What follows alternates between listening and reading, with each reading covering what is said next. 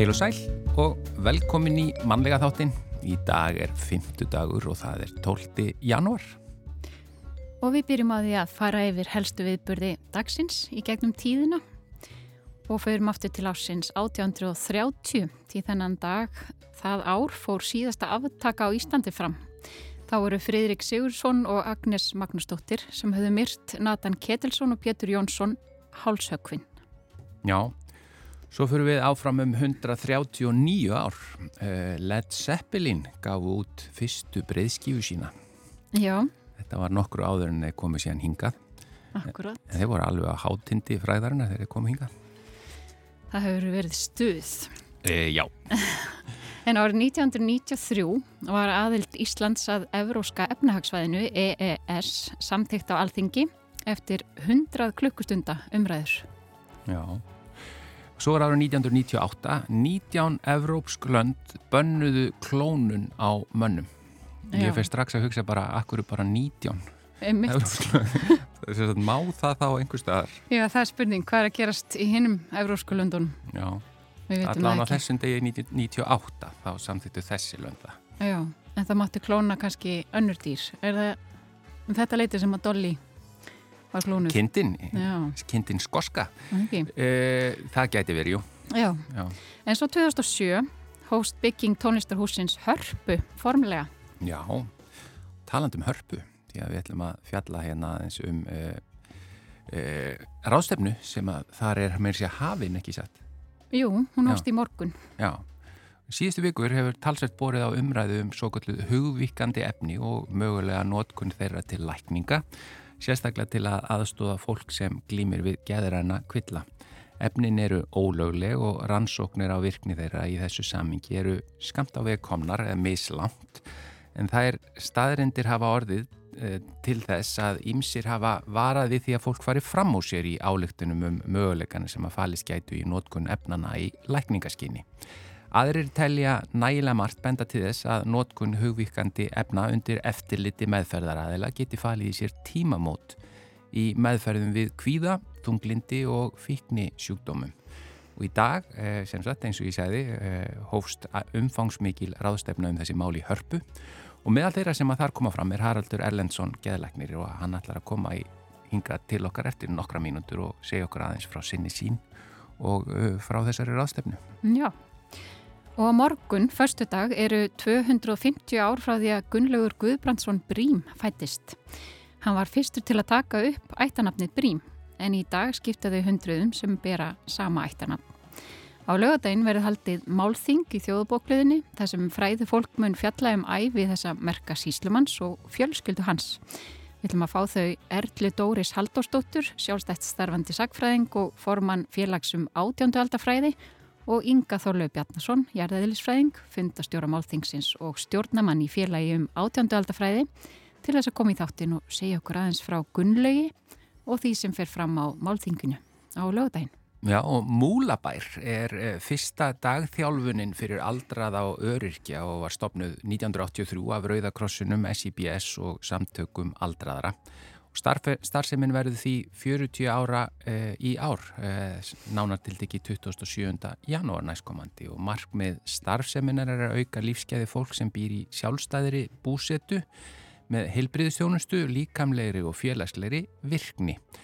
Og það er töluvert langur byggðlisti af fólki sem sækist eftir þjónustu í Múlabæ og við kíktum í síðumólan og hittum Rósbjörgu S. Þorðardóttur, hópstjóra félagsstarfs vinnustofu og listasmiðju í Múlabæ og töluðum einni við Otto Malmberg, 91 ás, sem að sótt hefur þjónustu í Múlabæ frá 2017. Mm. Við byrjum á tólist. Já, við ætlum að heyra eitt lag. Það er Lucy in the Sky with Diamonds með bílunum. Já. Kom okkur í stellingar.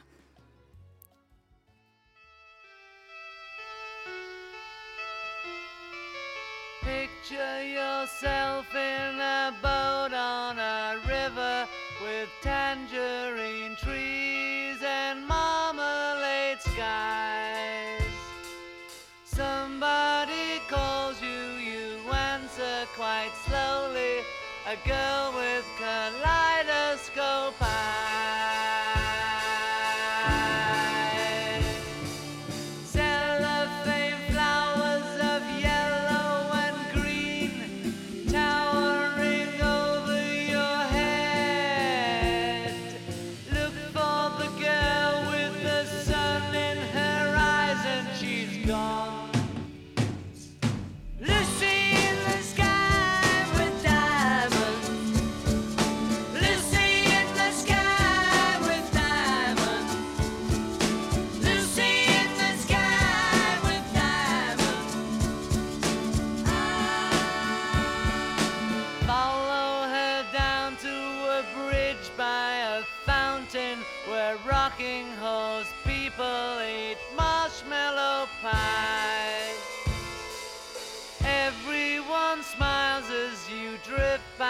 Flowers that grow so incredibly high. Newspaper taxis appear on the shore, waiting to take you away.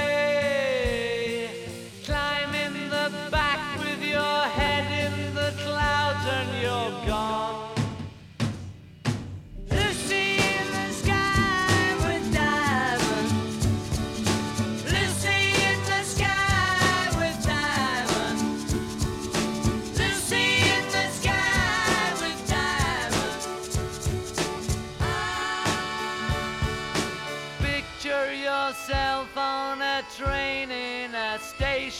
With plasticine porters with looking glass ties. Suddenly someone is there at the turnstile, the girl with kaleidoscope eyes.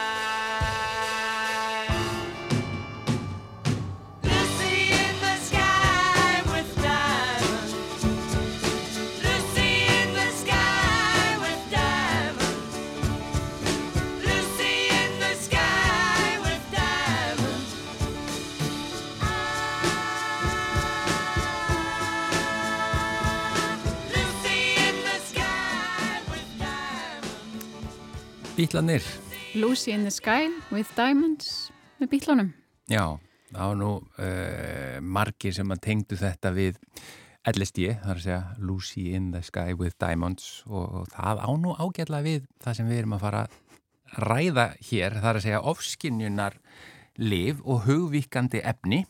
Uh, hingaði komin Haraldur Ellensson, geðleiknir, velkomin í manlega þáttinn. Já, takk fyrir að bjóða mér.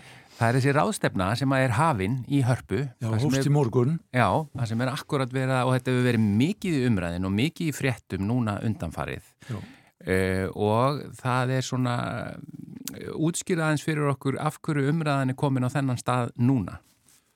Já, það, hugvíkandi lifir náttúrulega einskömmul og maðurinn. Við vitum alveg tíu starri tíman minnstu kosti að maðurinn hefur verið að nota þetta en það er, var ná komið á stað kannski fyrir 60 árum svolítið að rannsóknum á þessum efnum, við ímsu alveg frá áfallasteit og kvíð og þunglindi og jável einhverfur og svo fann að vegis en, en út af politískum áreistrum þarna í bandaríkjónum þá voru þessum livjumeila ítt út af borðinu. En frá aldamótum þá hefur verið vaksandi rannsóknir og við erum að tala um á annan tök þúsunda rannsókna Mm.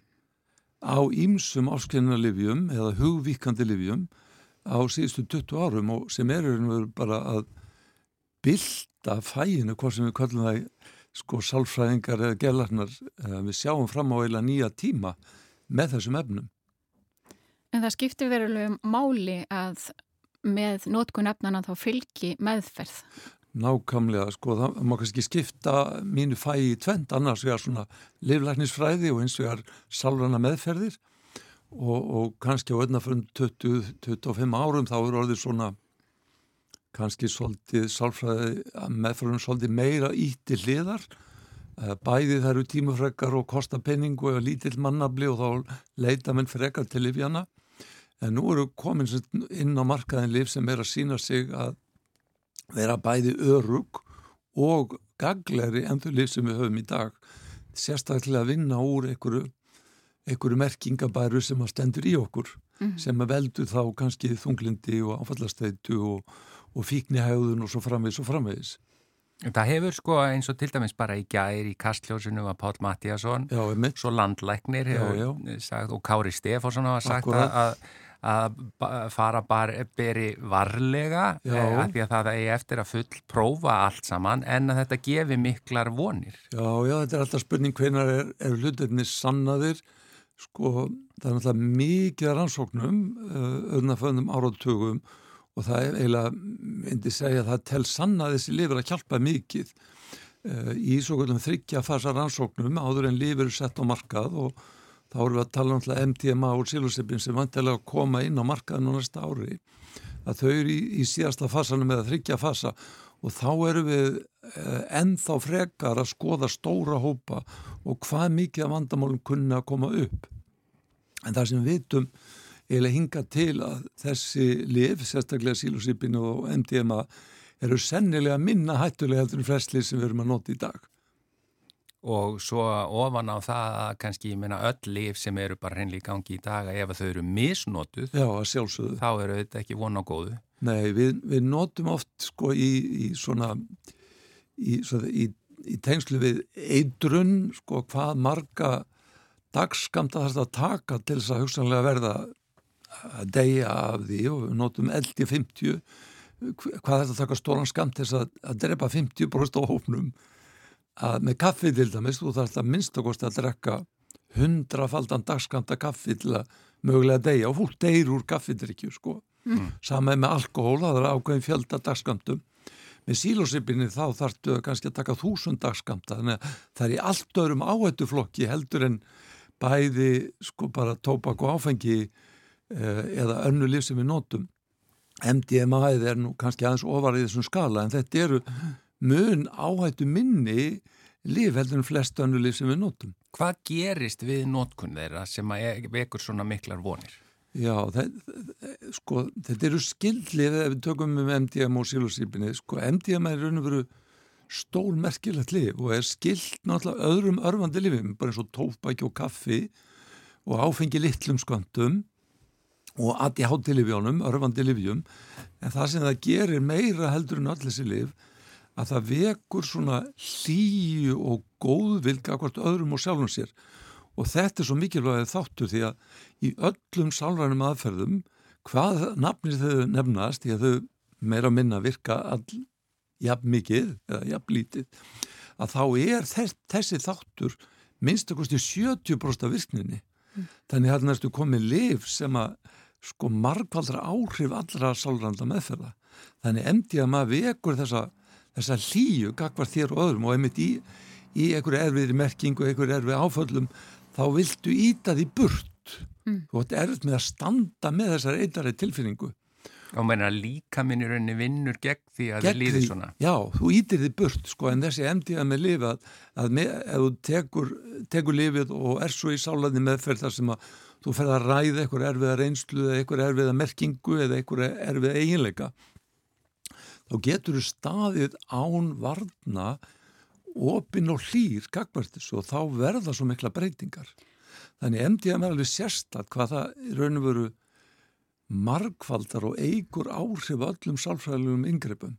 En er þetta ekki líka markmið í meðferðum almennt að reyna að komast á þennan stað og er það reynd skilja að efning geta þá flýtt fyrir því? Nákvæmlega, en máli er að meiri luta þeirra sem að fá þrálátt áfallastreitu og alveglega þunglindi þeir hafa skert hann hæfilega til að gera þetta, hann er ekki bara sko, þeir eru ekki bara í sama hópi og flesti sem að vinna úr áföllum. Mm. meiri luta fólk verður fyrir áföllum og lendir í erfilegum en innan ás er það gott, en þeir sem að eru með þráleit geran vandamál, eru með skertan hæfileika til að vinna úr, úr svona tilfinningu og þar koma þessi lifin til þess að bylta mm. raunveru gagsemi sálotna meðferða. En eru þeir þá fastir í einhverjum svona varnarkerfi? Já, það er festast, er frjósa mm. í einhverjum frumstaðum viðbröðum. Já. En er þá verið að hugsa þessi óskinninu líf, er þá verið að hugsa þau sérstaklega fyrir fólk sem einhvern veginn er búin að reyna allar leiðir eða komið nánast út í hotn eða já, hvað og eru já, svona sko, erfiðustu dæmin? Náttúrulega fyrst eins og núna, við erum komið í þryggja fasa rannsóknir, það er bara, þetta er ár áður en þessi líf koma markað, að þá eru við fyrst, í fyrsta leið að fara að hugsa um fólk sem svara ekki hefbundin í meðferð, þá getur við komið á markað og þá eru þessi, svo ég fá að slett, sletta sko game changer, þau umbylta sko, möguleika fólk að ná bata. Mm. Hjálpa öðru, ekki öllum en kannski af þeir sem hafi ekki sko svara meðferð eftir hvað fær svona meðferð ofta þá eru við kannski að, að hjálpa 60-80% af þeim sem að áður svöruð ekki meðferð. En hvers vegna er mikilvægt að efni séu notið undir eftirliti meðferðaræðla? Já, það er náttúrulega bara aðalmálið mm -hmm. sko, og það er einmitt það sem ég er að segja aðna á það sko, að þetta er ný gifting annars vegar lifafræðinar eins og er og svo salvarna meðferðar sko, lifin sjálf án handleyslu, án undirbúnings án umræðu, án þess að raunveru undir áhrifun taka til skoðunar verkefnin, þá verður raunveru engin varanlega breyting mm -hmm. En, en þessi liv, eh, bæði MDM og sílófsrýpin og kannski ennþá meira sílófsrýpin er að, að, að gefa okkur tölum um ofskjörna liv en ættum frekar að kalla þetta ofurgreindarliv. Þau gefa okkur glugga þar sem við höfum hæfileika til þess að ná í efni og vinna úr því algjörlega nýjan hátt sem við gátum ekki á. Ná í efni þá meinaru lífsreynslu eða minningar og... Já, erfiða tilfinningar, verki, eh, stríð við merkingu og svo framvegis. Mm -hmm. eitthvað sem að hugurinn er að glíma við sem veldur vandan En hvað, svona, ef að fólk notar þessi efni óvarlega, hvað getur gerst? Já, eins og ég sagði, þetta er ekki alveg sko hættulaus. Miða við önnur efni er þetta tildurlega hættulíl efni sko. Við þekkjum enda frá hippa tímabilinu að, að einn og einn fekk svona sem kallaði bad trip eða vondar einslu og þá kannski mætur öllum þínum vandamálum en stendur sko um, máttlaus eða varnalaus gagvart í þannig að þú færði eiginlega áfallastreitu ofan áfallastreitu mm. þú, e, þú eiginlega verður enn fastari í, í, í mýrinni sko mm -hmm. og, en auðvitað er þetta að laga það líka en, en þetta getur verið án handles og stuðning fyrir þá sem eru með alvarlegan undirlíkjandi vanda og mikla áfallastreitu og svo framvegis þá getur þetta verið hillilega reynsla. Mm -hmm.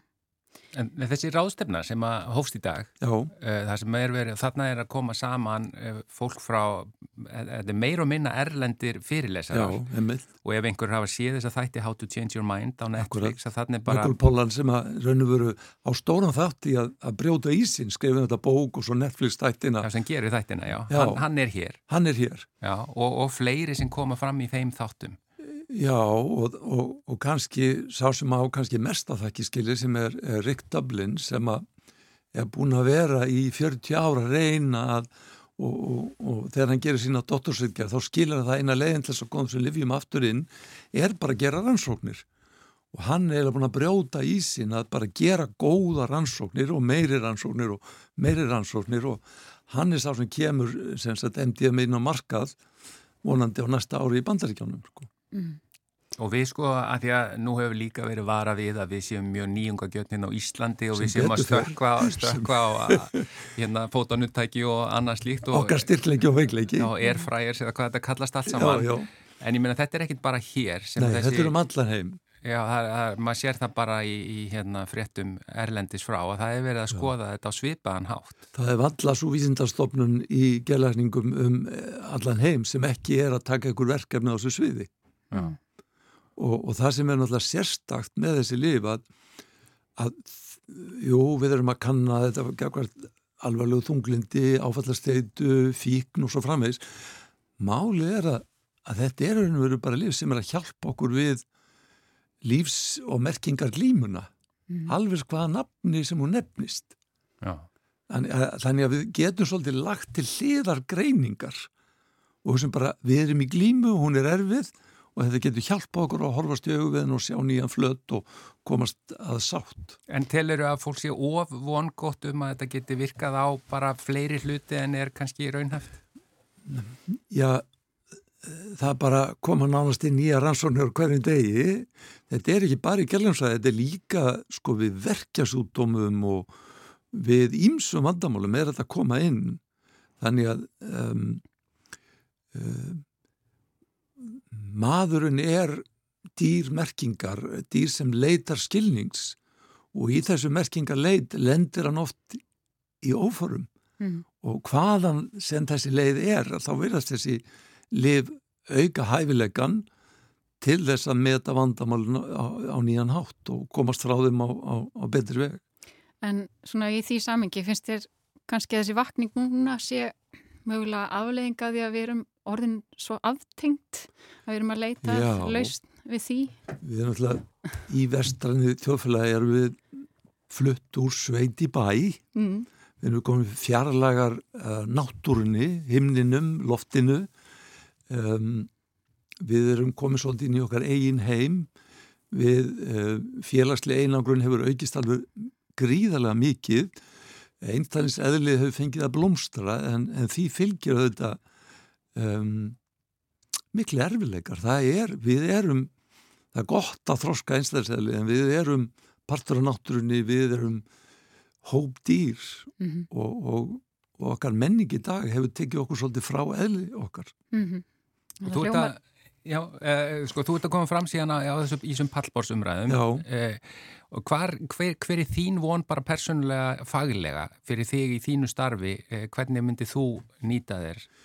Já, sko, ég, ég vil náttúrulega bara tryggja það að, að öll svo fyrirstaða sem er í kerfinu að það megi koma þessum meðferðum í gang að þeim sé ítti liðar eins og bara afglæpa með þetta að fá að við uh, læknarnir fáum aðgengi að þessum livjum um, uh, og náttúrulega þessi fordómar sem eru gafkvæmst þessum livjum sem hafa verið undanfinni 50 ár og þessu sé blanda við sukk.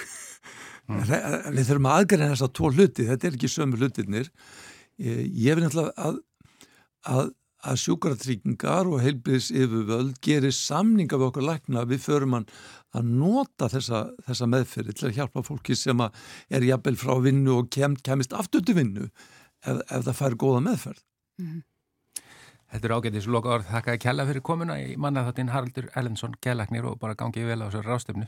Takk kærlega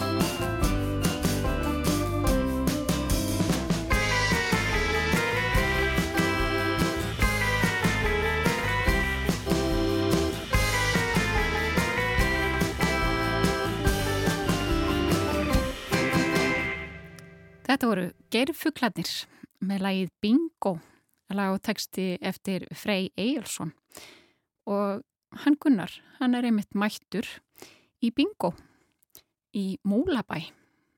Þá ætlum við að reyna við allt spjaldið, gerum þjár tilraunir við að fylla spjaldið. Það er alveg að bresta á með bingóið. Ingi 19. Ingi 19. Ég er hinga komin niður í síðumúla, meiri sé að númer 32 og hér er Múlabær uh, sem er uh, dagþjálfun fyrir aldrað og öryrkja og var stopnuð árið 1983 þannig að það þýðir að í ár á Múlabær 40 ára ammali, það er afmælis ár innilega til hamingju Rósbjörg S. Þorradóttir hópstjóri félagstars vinnustofu og listasmið í Múlabær sem er allar að tala um hérna til hamingju með það. Já, takk fyrir. Við ætlum bara að halda árið hátilegt og hafa eitthvað svona, eitthvað uppakomu hverju mánu, eitthvað svona. Þetta er fyrsta skitt sem ég kem hingað inn. Þetta er heilmikil starfsemi í gangi. Hérna er bara bingo frammi núna og hér er hægt að gera ímislegt. Segð okkur aðeins bara frá starfseminni. Sko, Múlabær var náttúrulega stopnaður hann 83 og hefur bara þróast svona í gegnum þessi 40 ár. Þannig að það er svona kannski, eh, kannski orðið svona fjöldþættari þjónusta með tímanum og ég gæti ímynda mér það að svona meðalaldurinn hafi kannski hækka. Það er, semst, meðalaldurinn hér núna er um 87 ár og hérna og það er hérna, sko þáttækandunir eru frá 65 upp í 102 og hérna þetta er náttúrulega svolítið breytt aldurspil og aldraðir eru bara, segi, alveg frá 67 ára en þetta er líka fyrir öryrkja þessi staður og við, það er sem sagt fólk þarf að sækja um og það þarf að vera sem sagt læknir sem að sendir þá læknabref til okkar og það er yfirleitt kannski út af einhverjum heilsfallsvandamálum eða félagslegri einangrun eða einhverju þessáttar. Hvað eru margir sem að sækja hingað í Múlabæ á hverjum einasta degi? Við erum með leifi fyrir sagt, 60 manns og dag, þar af eru 52 í almenni dagþjálfun og sagt, almenn sérhæft dagþjálfun sem þýðir það að við erum með hjúgrunartjónustu líka. Og svo erum við með sagt, endurhæfingu. Það eru áttaplás og það stendur til að auka þau núna á þessu ári. Og við munum stekka húsnaðið á þessu ári líka í, í, með, með tilliti til þess að við erum að fara fjölga. Og hérna það eru svona um 130 mann sem eru skráð hjá okkur. Sumir eru tvísveri viku, aðeir þrísvar sumir eru alladaga, sumir eru fjórsunum það er bara eftir þörfum. Og það er mjög algjent að fólk byrjar tvísarsinnum og vil svo bara fjölga dögum. Það er, það er mikið tekið. Og hvað kemur fólkinga klukkan hvað á mótnan og er það hérna kannski allan daginn eða? Sko það er opið frá 8 til 4 og hérna sumir eru bara mættir hérna klukkan 8 og það eru sem sagt við erum með bíla sem að sækja fólki þeim og það er alltaf sömu bílstjórnir sömur bílstjórar hafa verið hjá okkur í yfir 30 ár þannig að það er ekki flókið og hérna þeir er, þetta er góð þjónastu því að fólk, þeir sækja fólki alveg heimadýrum og fylgja því heimadýrum þannig að þetta er mjög mikilvæg þjónusta fyrir þau, þú veist, þau gætu kannski ekki verið í stórum bíl. Það, þú veist, sumir þurfa bara að vera í framsæti í fólksbíl til að komast yngað. Ég meina, nú er bingo frammi og það er alveg fullur salur að spila bingo og svo varst að lappa með mér aðeins um svæð og við sýtum hérna inn í handavinnustofunni. Það er um svo margt að velja og svo er heilsugjæsla og segð okkur aðeins frá öllu þessu sem er í bóði. Já, þetta er hjúgrunastýr þjónsta. Þannig að það er heilsugjæsla og þá, er, þá fær fólk sagt, aðstof við bara ef það er með sár, ef það þarf að fylgjast með livjum, uh, bólusetningar, veist, við flensu, COVID og hvað það er. Við erum með hérna, líka alls konar fræðslu og, og þess áttar og eftirfylgni og hjúgrunafræðingarnir sjá líka um að sækjum, í, sækja um til hérna, nefndarinnar, hérna, um, visturum aðsnefndar já, heilsufarsnefndarinnar. Til dæmis ef fólk vil, þarf að komast í kvildarinlögn eða í varanlegt rými því að hérna sagt, fólki býr allt í sjálfstæðir búsettu heima og margir búa einir og það er líka fólk sem eru bara algjörður einstæðingar sem eru hjá okkur og hafa engan stuðning af fjölskyldum á meðan að sumir hafa mjög mikinn stuðning. Þetta er bara mjög fjölbreytt hvernig aðstæðan er hjá fólki og að því þú segir með eins og heilsugjæslan hérna og, og það þegar til dæmis voru bólusetningar fyrir COVID þá fóru þær fram hér bara á staðunum og þar fólki sem sækir e, múlabæ þar það í rauninni bara ekkert að leita á heilsugjæslur eh, annar staðar? Jú, það kemur fyrir því að við erum ekki með lækni og þegar að hjúkurnafræðingarnir hér meta það að það sé eitthvað sem að læknir þarf að skoða kannski spurningum að fólk sé komið í lungun eða eitthvað en það sé kannski ekki það aðkallanda það þurfa að fara á bráðamóttöku að þá hafa þær samband við helsugæslu og, hérna, og við látum aðstandendur vita og, og fólk fer á helsugæslu. E, það kemur líka upp á við þurfum að ringi sjúkrabíl og fólk fer á bráðavaktina. En það er líka svolítið hluti af hópnum hérna eru svo kallaðir fasta gestir á bráðamáttöku og kannski koma til okkar í endurhæfingu af því að þeir hafa komið svo ofta á bráðamáttökuna að bráðamáttökan, eða sem sagt börhjúknafræðingar hafa samband og þeir fá plásja á okkur og það verður jafnvel til þess að fólk hættir að fara á bráðamáttökuna og það er náttúrulega, þá erum við búin að vinna mikinn sigur. Ja, því hinga getur að komið og fengið sjúkraþjálfun og líkamsrekt. Já. Sko þau byrja á mótnana þegar þau koma, þá koma þau hérna og fá morgumverð, staðgáðum morgumverð, havragraut og söskur og brauðsneið og kaffi og djús og mjölk og vatn og hvað, hvað það vill. Og svo er bara líkamsrækt, það er bara göngubretti, hjól og lóð og allt svo leiðs og það er starfsólk sem fylgir þeim í það. Þegar þau eru búin að gera það sem þau vilja, þetta tekur kannski svona 20 mítur hálftíma, þá fara þau fram og setjast niður, hlusta rás eitt að sjálfsög. Já, og hérna fá heita bakstra, axlir, bak og hendur og slis. Þegar það er búið, þá fara þau, sumir fara að leggja sig. Aðrir fara að spila, sumir koma á vinnustofun að gera handavinnu, spjalla og svo fara þau á listasmiðina til hennar körli og hérna og hún er náttúrulega mjög fær að aðstofa þau í alls konar bæði að mála og svo eru þau að tálka og búsa og gera bara, það, sko það blómstra hérna listamenn. Við erum búin að vera hérna með málverkarsýningu og ég veit ekki hvað og hvað. Og þú ert með handavinnuna hérna? Já, svo er ég með handavinnuna og konurnar, það er nú aðalega konur sem eru saum, er að koma hérna og prjóna og sauma og hekla og svo leiðis, en það er, kemur fyrir þær og það er hérna einn fastur hérna hjá okkur karlmaður sem er alltaf hérna á vinnustofinni og, og hérna og þeir koma svona aðeins og kíkja en það er nú ekki nefn að þessi eini sem hefur tollað svona til lengri tíma en það er bara gaman. Við höfum líka hérna svona sögustundur hér, hér er verið að lesa, hérna í handafinnstofni er verið að lesa Guðrun og frá Lundi, það er hérna dalalíf og það er mjög spennandi núna. Karla er líka í, í listasmiðinu alltaf með eitthvað lestur, svo já, eins og segja, svo er hægt að leggja sig og svo er stólaleikvimi fyrir alla og hátdeismatur og svo er eitthvað félagsdagar eftir hátdegi, það er verið að syngja við fáum einhverja í heimsókn, það er verið að dansa, það er verið að spila. Og núna er náttúrulega bingo, já, og svo er náttúrulega göngutúr á hverjum degi klukkan eitt á hverjum degi er farið í göngutúr ef sagt, aðstæður leifa. Og þetta er 40 ára afmælisár í ár. Er eitthvað sérstætt á dagskráni?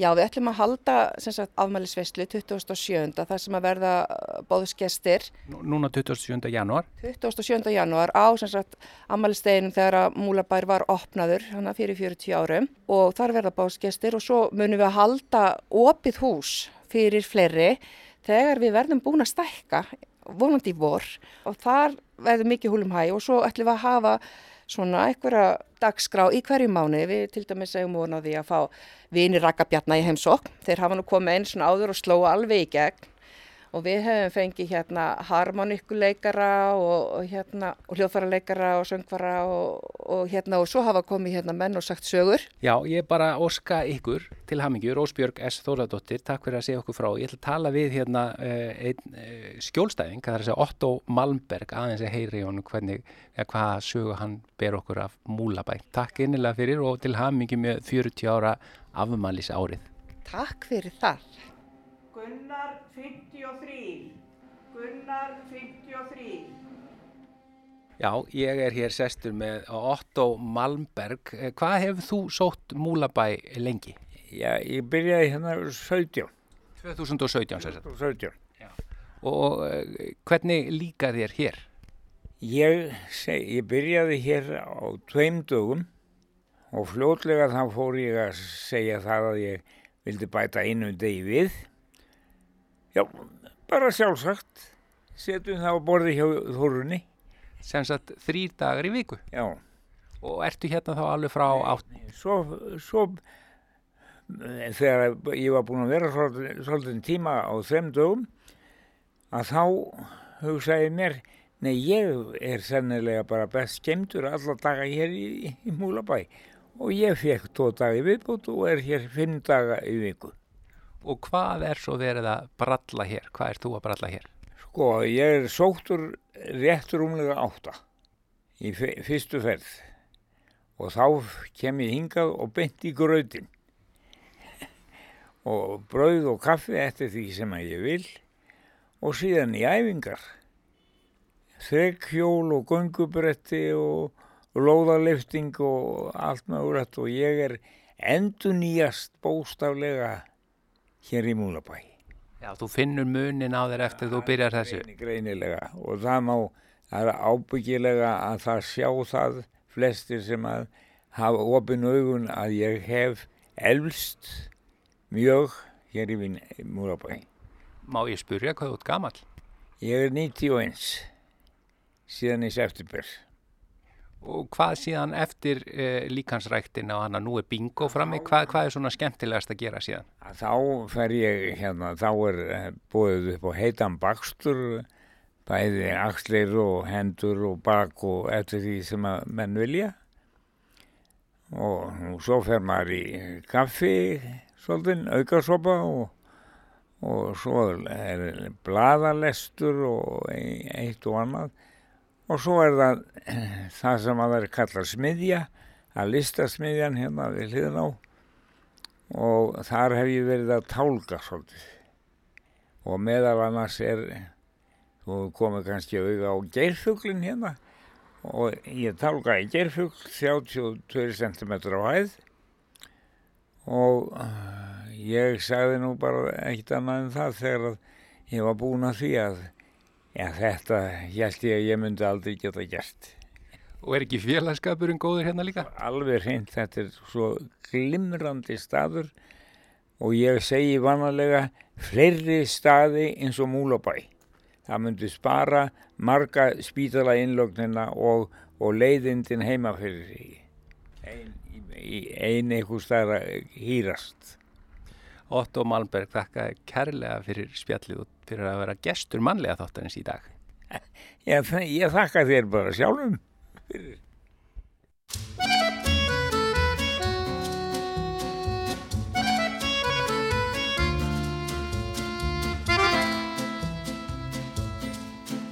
Um kirkjurnar hallar og hæðir og kvalfjökinn kvöldskinni flæðir Á súlnatorg svalir og boga, slær síkvikum loga, það rökkvar í róm. Frá gósbrunni glitt fá stígur og glóðdögg á kýpruslaug nýgur. Til óttusums klukkurnar kalla og múrarnir gjalla við mánskæran hljóm. Með sítaleg falla sóladætur í seðfam nætur það rökkvar í róm. Dat Roma er rökkrið vefur torg Brennur þeirinn þér í öldnum æðum Aftur vaknar hýra fornum glæðum. Andrá heitri liðnar aldir minnist. Eilíf borg arriva da Roma í róa þagna sæ Fljótið milli hljóðra hæðast dreymir Hornafræðar tíma rústir dreymir Dekkar mær sín ljóð við sítar syngur Svölum blæ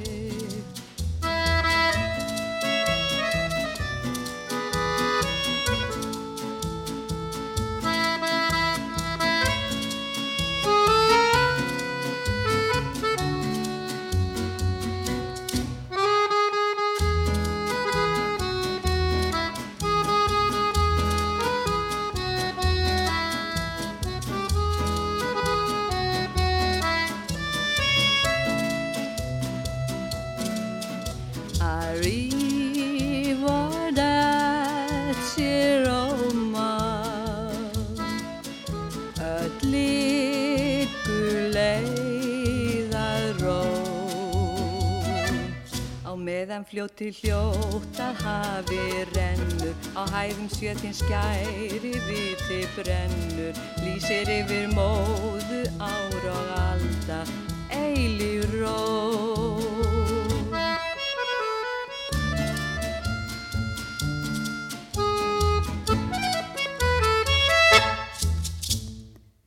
Það var Erla Þorsteinsdóttir sem söng ítalst lag við texta Lofts Gumundssonar. Það er Rökkvar í Róm og næst heyrum við meðal annars að ferðalögum til Rómar fyrir nokkuð löngu síðan eða 250 árum.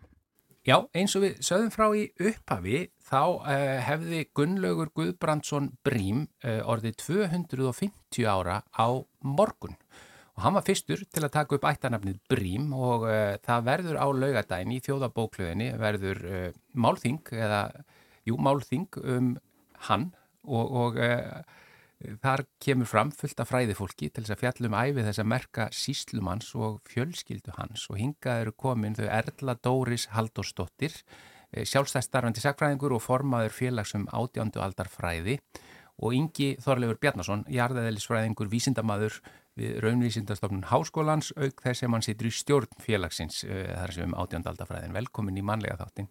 Takk fyrir. Þú eru langi titlar. en hvað er svona hérna, að því auðvitað 250 ár, það er talsveit mikið, en hvað er svona merkilegt við þennan mann, Gunnlaug uh, Guðbrandsson Brím? Já, hann var sá fyrsti sem tók upp ættanafni Brím Já. og, og þeir skipta hundruðum sem bera þetta ættanafni í dag. Já. Þú, hvaðan kemur þetta nafn? Við vorum að reyna að spyrja þig hérna áðan og þú varst bara eins og lókubók, nú fáum við að vita þetta. Já, Já hann var fættur að Brjánslæk í Barðarstrandasíslu mm. og þaðan er Brím ættanafnið. Þannig að Brjánslækur verður að Brím. Brím, já. með emmi en ekki enni. Það er Brjánslækur. Já, já, já, já. Og þetta hefur bara, þannig að 250 árum síðar þá eru hvað, nokkur hundru manns sem að bera nafnið eða hvað? Já, í dag. Já.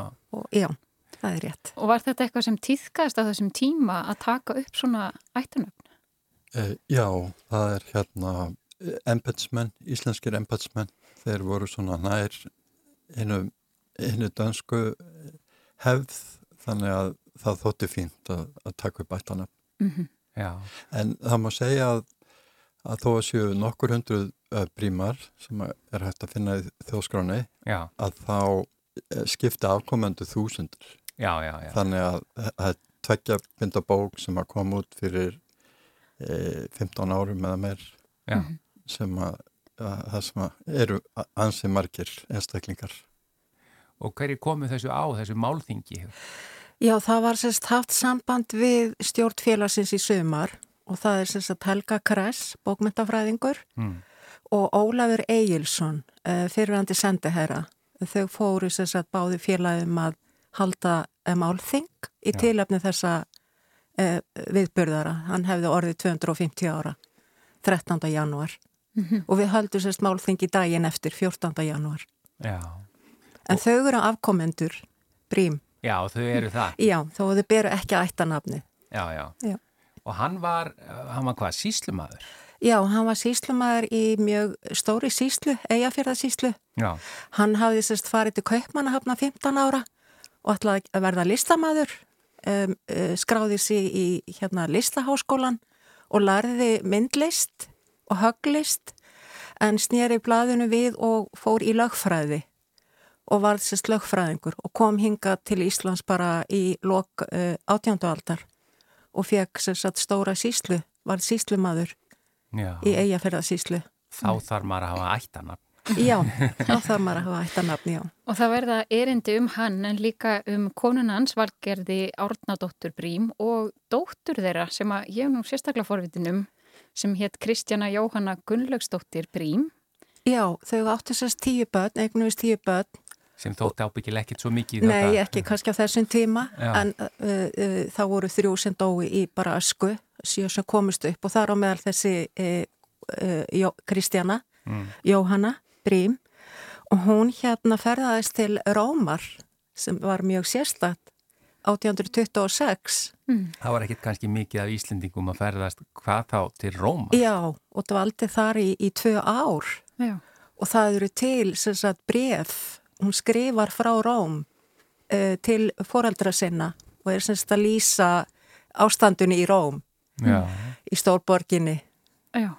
og hún mun fjalla um hana á, málþinginu hún Helga Kress. Já, hún er búin að kynna sér sögu þessara konu. Hún kom reyndar aldrei til Íslands. Hún, hún kom ekki til Íslands aftur. Hún giftist hérna Já, þýskum eftir þessa kennar. Nei, Já, hún settist að í. Þýskalandi. En hún skrifaði semst um Róm og svo frásögn var byrt í Sunnanpóstinum árið 1838 Já, og það var í fyrsta sinn sem að, að einhvað var prentað eftir íslenska konu já, að henni er lifandi. rétt Já, þetta er bara mjög merkileg Mhm. uh, saga þessara konu Já.